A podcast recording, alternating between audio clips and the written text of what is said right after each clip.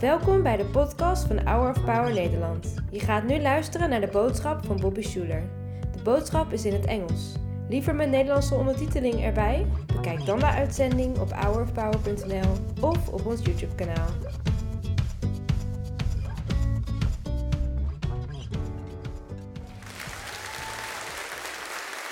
He is risen. Amen? He's risen indeed. And for not just believers, but for all of creation, this is the most important event in human history. Some of us doubt it, some of us are not sure, some of us believe it, but all of us will be impacted by this someday. You can choose today to be at peace with God. Are you at peace with God? Are you friends with the Lord? I want to encourage you. I know you've been through a lot, and I know life is hard.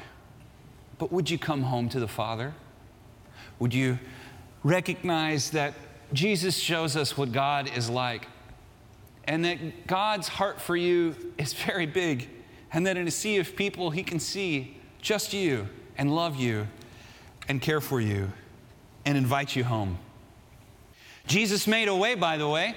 He made a way so that we could come boldly before God's throne as beloved sons and daughters. And so, God, in His loving care for us, said, I will give my Son as an atoning work for my people. Jesus paid the price so that we can look to each other and say, I forgive you. I forgive you. I've been atoned for and I've been forgiven. And so the scripture says that he who knew no sin, that is Jesus Christ, became sin that we could be called what? Anybody know the rest of this Bible verse? The righteousness of God in Christ Jesus. That we can come boldly before God's throne, not as wretched, shame filled sinners, oh, I'm such a bad person, but we can say, as Paul taught us to, to come before and say, I am the redeemed of the Lord. Let the redeemed of the Lord say so. I have been atoned for, redeemed, and rescued. I can love my neighbor. I can love the Lord with all my heart. I don't have to wonder if He hears me. I know He's for me. No greater love has any man than this, than He lay down His life for His friends. The Lord laid His life down for you. In Jesus' day, to eat with someone was to call them an equal, a friend.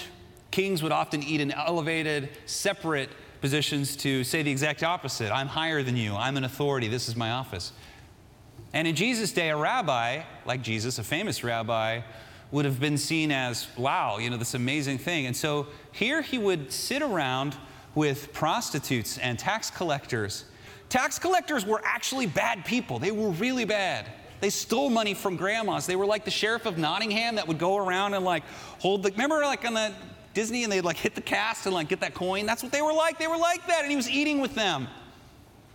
And so the, the, the problem for the religious elite of their day is they clearly could tell Jesus was from God. He was full of wisdom and power. He performed miracles, he even raised the dead. So there, that's amazing, right? And yet, what's, how could he become so unclean? By keeping company with such people of ill repute. That's the last time I used the phrase ill repute in this sermon, but I thought it was cool. And they muttered amongst themselves, Who is this man that welcomes sinners and eats with them? That's what they say. And then Jesus, hearing this, looks up at them from his table full of friends who are also sinners, and he tells them three stories. The first story is about 100, the second is about 10, and the third is about one. The first goes like this Jesus says, Imagine that you lost a sheep, and he's looking at the Pharisees, that, that is the pastors, we'll call them today. He's looking at the pastors, and he says, Imagine you lost one of your sheep. Would you not leave the 99 behind and go looking for that one? And by the way, they all would. Losing a sheep was no small deal. Not only was it, uh, you know, materially worth a lot of money, but shepherds were connected personally to their sheep, the way you would be to one of your pets. We know what happens, by the way, to sheep, right, when they get lost. One of two things will always happen to a sheep. Number one, it'll just die a horrible death, right? It'll get eaten by a wolf or uh, a lion or something. Or this will happen. Now, this is a real thing that actually happened. This is a sheep in Australia that got lost. And they, they found the sheep and they named him Barak. Actually, I said it wrong. They actually named it this way Baarack. That is the sheep's name. And uh, they don't know who it belonged to, but they, you know, they know it got lost. And it just, the wool just continued to grow crazy like this. When they fleeced this guy, they found 80 pounds of wool, which, by the way, is enough for 61 wool sweaters or 490 pairs of socks. That's a lot. It's pretty good. And just as an image of how the world has become, this sheep is a perfect picture. This sheep looks fat and even happy, but the poor guy is on the brink of death. Skinny as a rail. When they shaved all of that wool off, you would have seen that he was completely malnutritioned. He could barely eat enough, find enough to feed himself. And also, the wool had grown over his eyes, so he couldn't see or she couldn't see. And aren't so many people like that today? On the outside, look healthy and fat and happy and pretend like they can see everything, but inside, kind of dying a little bit. Maybe that's you, my friend. Maybe you, maybe you feel like you put on a good show for everybody, but you feel like life has not been kind to you. And you feel like you're really thirsty or hungry for something, or you feel somehow lost and you don't know why. Everybody gets lost sometimes, and we all get lost for different reasons. It's okay. God's calling you home, and He's going to take care of you. All you have to do is say, Yes, Lord, I'm done. I turn my back on that old life. I come home to you. Your life is so much better in God's kingdom when you're right where you should be in His loving care and in His friendship. Won't you do that today? Won't you come home to God? So, this is the first story Jesus tells. It's about one out of a hundred. And then he says one out of ten. He says that there was a young woman who lost one of her silver coins, one of ten coins. What he's referring to is this is a famous painting called The Bride of Bethlehem, but it's a good picture of how a Middle Eastern uh, wife would have looked in Jesus' day and instead of wedding rings, uh, women would wear these beautiful headbands. Sometimes they would have 10 coins to symbolize the 10 commandments. And, and they would be made of, of silver, you know, pre- very precious, beautiful metal. And maybe there'd be images on it. And she would have to wear that every day to show that she's married and to honor her family. And so one day, one of these coins get lost, gets lost. And so every day she's going to the market or she's going out with friends or she's visiting family. People are like, oh, Sarah, you're missing it. She's like, I know, I know. I can't find it. She's looking everywhere for this silver coin. I can't find it anywhere. Like imagine losing your wedding ring and you find it. You know, the, and and that's what happens. She's, she's finally finds it in some crook some, somewhere, and, and the silver is tarnished now because it's been there a while. Maybe it got wet or it got dirty, and it's taken on a green and brown color, and it doesn't even look like silver anymore, but it's still silver. She still wants it, it's still precious. How many here know that silver doesn't lose its value just because it's tarnished? God looks upon you the way that bride looks upon that lost piece of silver. It can be clean, it can be made new again. I can use this. This is all I want. And so she rejoices with her friends. Friends, look, I found it, I found it. And can you imagine the feeling? I love stuff like this of popping it back into the thing. Like, like that would feel great.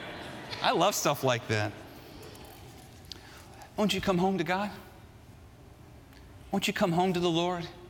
He's looking for you. His Spirit beckons to you. And then finally, the, the third story that Jesus tells, so it was from 100 to 10 to finally 1. And that last one is a famous story of the prodigal son. I swear I just heard a guitar solo, but I'm not, I don't know. was that us? It's all good. You guys are not even listening right now. It's all good. The brass section was. That's cool. That's a love. Love you guys. We got like Easter over here and like Good Friday over here. it's great. Our orchestra is the best. They're all my friends, by the way, so I can pick on them. It's not like I don't know them. All right, good job, guys. So he tells the story of the prodigal son. Many of us forget this is actually a prodigal of two sons. They're both messed up, and they both probably hate each other. It, start, it goes like this Jesus finally says that there's this kind of a wealthy father, and he, he has land. And in those days, if you had two sons, the first son would get two thirds of the land, and the youngest son would get a third of the land. And the youngest son comes to the father and says, I want my inheritance now, which in an honor culture is horrible. It's the worst thing you could say. I, one um, biblical scholar said that it would be as if the younger son had said to, said to his dad, I hate you and I wish you were dead, so just give me your money. And the crazy thing is, the dad does it. He gives him his inheritance, even though he's still alive. And Jesus' audience would have been like, oh, they were all storytellers back then, you know, they were really into it, you know. And it says that the younger son went into a distant land and he squandered the wealth. We don't know what that means, but it says he squandered the wealth, blew it all. If it was me, it would be Oreos and cinnamon rolls. Gone in a week. It's all gone, and a famine hits the land.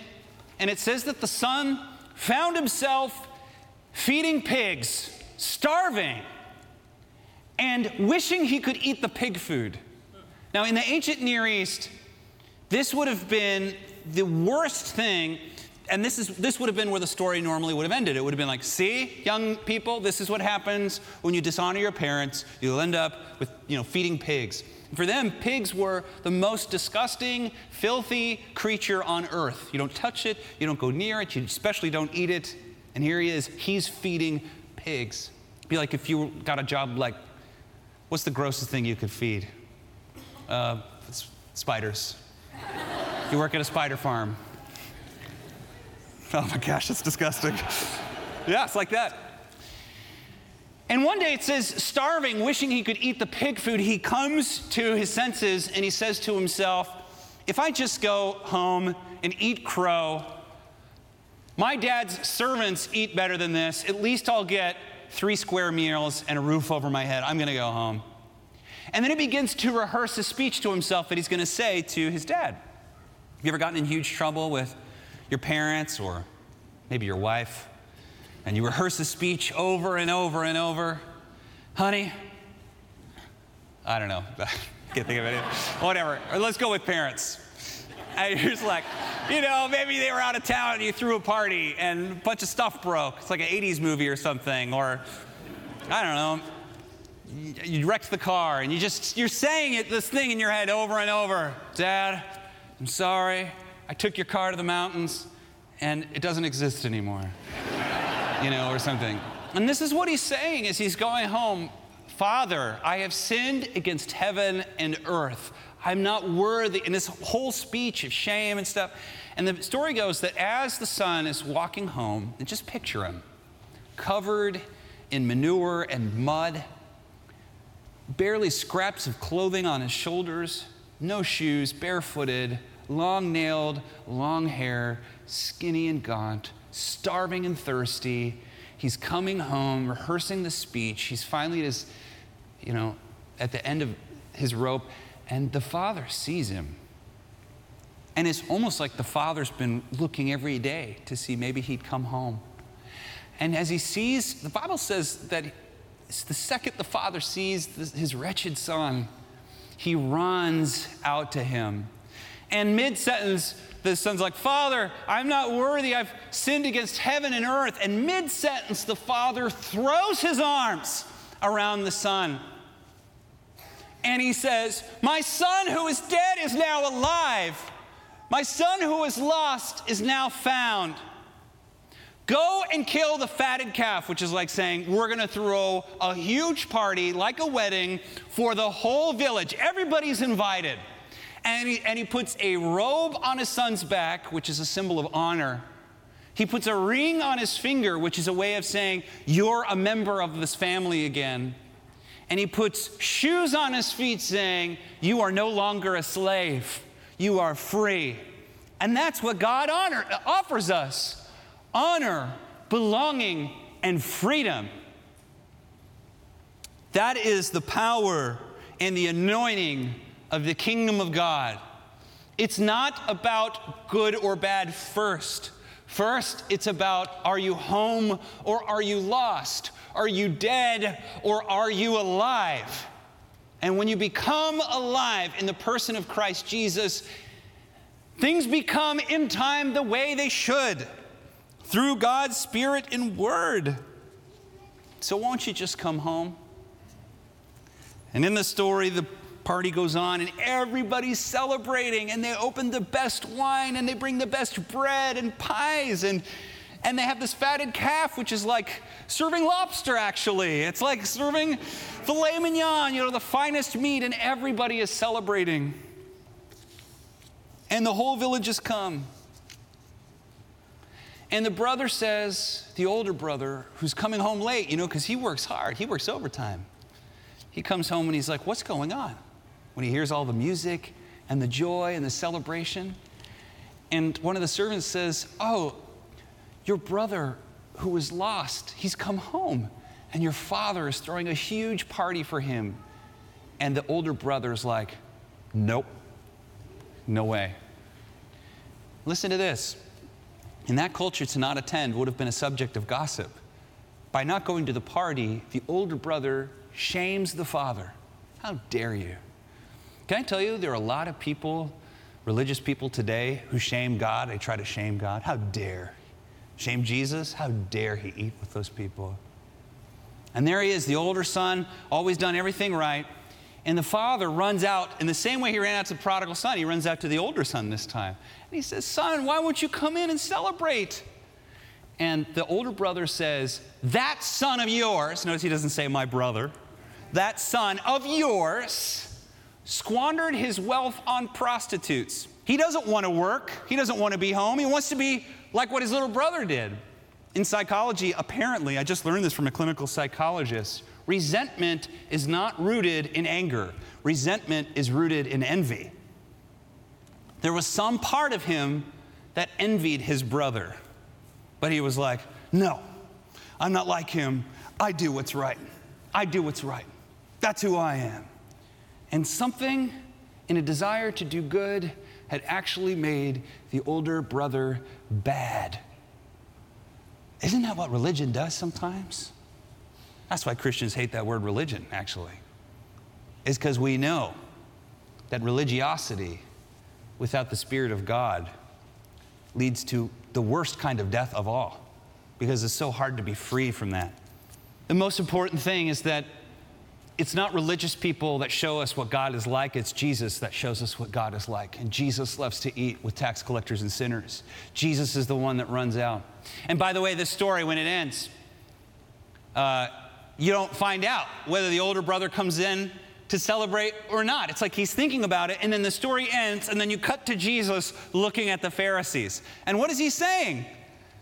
Come and join us, come eat with us. The kingdom of God is here. It's so simple. You've made it a big deal. It's just, just come and sit with us. So, my friend, the Lord says to you today, won't you come home to Him? Do you feel lost? You feel dead? Come to Jesus. Come to God through Christ Jesus, and you'll be saved. You never know when that time will come, but be ready for it. The time, I mean, is, you know, when we die. Be ready for it. Know that you're at peace with God and that He's your friend. And even though you make mistakes from time to time, you do your best and you forget the rest. You trust that it's not your work, but the work of the cross that saved you. When I became a Christian, I didn't do really anything super weird. I was just sitting in a pew like you are in church. I didn't go down for an altar call or raise my hand or even pray a prayer. I just made a decision. I just said, I decide today to follow God, and I've never turned back, and it's the best decision I've ever made. You can do that today. You don't have to tell anybody. You can right now just decide I'm going to follow Christ and I'm not going to turn back. And I'm going to do it the rest of my life. And I will make it my greatest goal in life to be friends with Jesus. And watch how that will change your life. Well, we're so glad you came today. And we trust that the Holy Spirit will do a good work in you through this. So let's just ask the Lord for it. Father, we come to you in the strong name of Jesus, and we thank you that even now you're here in this room. Friends, I want to ask you to close your eyes and just open your heart and see if you can even feel and sense the Holy Spirit. Holy Spirit, would you confirm in our hearts the power and life of your presence? And we thank you for all you've done, and we love you. This in Jesus' name we pray. Amen.